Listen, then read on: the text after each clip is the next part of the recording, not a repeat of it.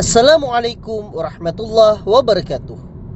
Baiklah, pada edisi kali ini saya akan membacakan satu pertanyaan dari Bapak Iqbal.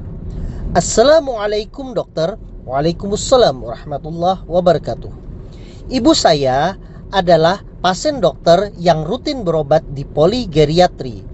Beliau sudah rutin berobat lebih dari lima tahun dengan diagnosa adanya pengapuran pada lutut.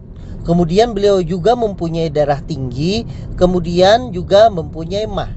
Nah, pada dua bulan yang lalu, dokter melakukan pemeriksaan keropos tulang. Didapatkan bahwa diagnosanya adalah tulang kropos. Yang mau saya tanyakan, apakah perbedaan antara pengapuran tulang dengan pengeroposan tulang? Dan apa yang harus saya lakukan untuk ibu saya agar pengeroposan tulang itu bisa cepat diobati. Baik, terima kasih Pak Iqbal atas pertanyaannya.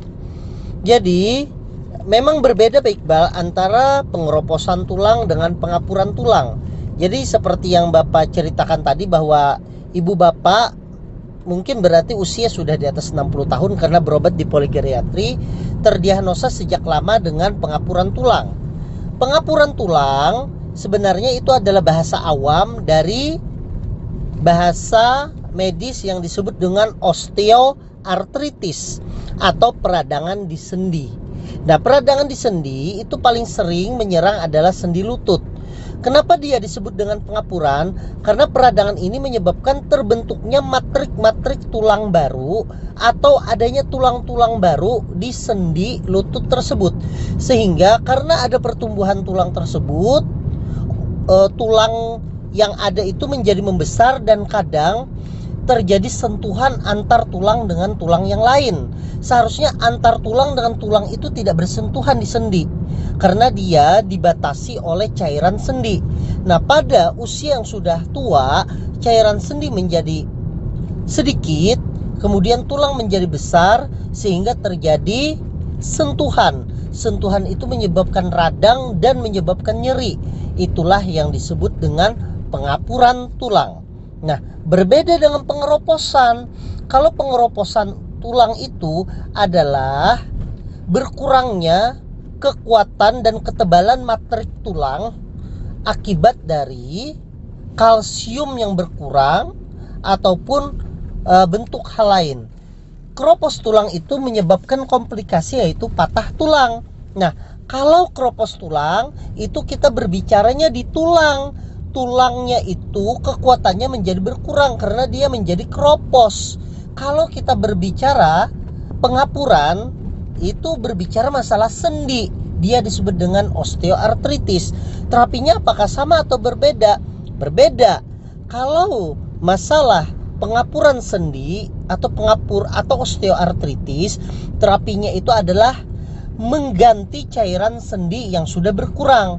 Biasanya dilakukan dengan menyuntikkan suatu cairan buatan ke dalam sendi yang kurang tersebut sehingga diharapkan cairannya itu menjadi tercukupi sehingga nyerinya berkurang. Kemudian yang kedua adalah dengan memberikan obat anti nyeri. Kadang kalau seandainya pengapuran itu menyebabkan peradangan, berjalan aja sakit sekali. Nah, bagi bapak ibu yang sudah di atas usia 60 tahun kemudian mau sholat biasanya sholatnya terganggu kenapa terganggu karena pada saat posisi sujud atau posisi dari duduk berdiri itu terjadi gerakan di sendi yang menyebabkan nyeri Nah, itulah makanya juga kadang diberikan obat anti nyeri. Selain itu juga bisa diberikan obat-obat minum untuk mempertahankan cairan sendi agar tidak berkurang. Itu adalah kalau terjadinya pengapuran sendi atau kita menyebutnya osteoartritis berbeda dengan osteoporosis atau pengeroposan tulang kalau pengeroposan tulang itu terjadi biasanya karena kalsium yang rendah yang turun sehingga kalsium yang di tulang yang diambil. Nah obatnya apa? Obatnya itu adalah meningkatkan kembali ketebalan tulang tersebut dengan obat-obatan tertentu. Tetapi itu bukan uh, cairan ataupun obat anti nyeri. Selain itu bisa ditambahkan dengan suplemen kalsium supaya kadar kalsium pasien itu menjadi tercukupi. Selain itu juga kadang kita berikan vitamin D agar penyerapan dari kalsiumnya itu menjadi optimal. Selain itu semua, orang yang mengalami keroposan tulang kita sarankan untuk banyak bergerak. Kenapa kita sarankan untuk banyak bergerak? Karena begitu dia bergerak, maka dia akan memberikan beban kepada tulang sehingga begitu ada beban tulang maka tulang akan berusaha untuk menebalkan dirinya lagi sehingga kekeroposan itu menjadi berkurang. Apa yang disarankan? Ya macam-macam. Ya seperti misalnya jalan kaki ya. Kalau masih bugar misalnya bisa lari-lari kecil atau jogging seperti itu. Atau misalnya bisa ngangkat barbel yang ringan saja. Itu tujuannya semuanya adalah memberikan tekanan pada tulang agar nantinya tulang bisa terbentuk lagi menjadi lebih kuat. Tapi perlu diperhatikan kalau misalnya contohnya uh, seperti ibu Pak Iqbal tadi dia selain ada pengeroposan tulang juga ada uh, osteoartritis atau pengapuran sendi.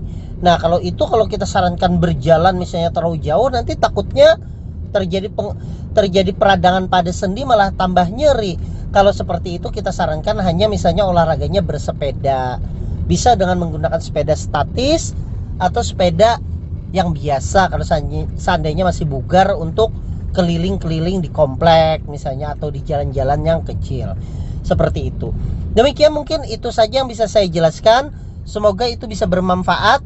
Dan terima kasih atas pertanyaan Pak Iqbal. Kita akan bertemu di edisi berikutnya. Wassalamualaikum warahmatullahi wabarakatuh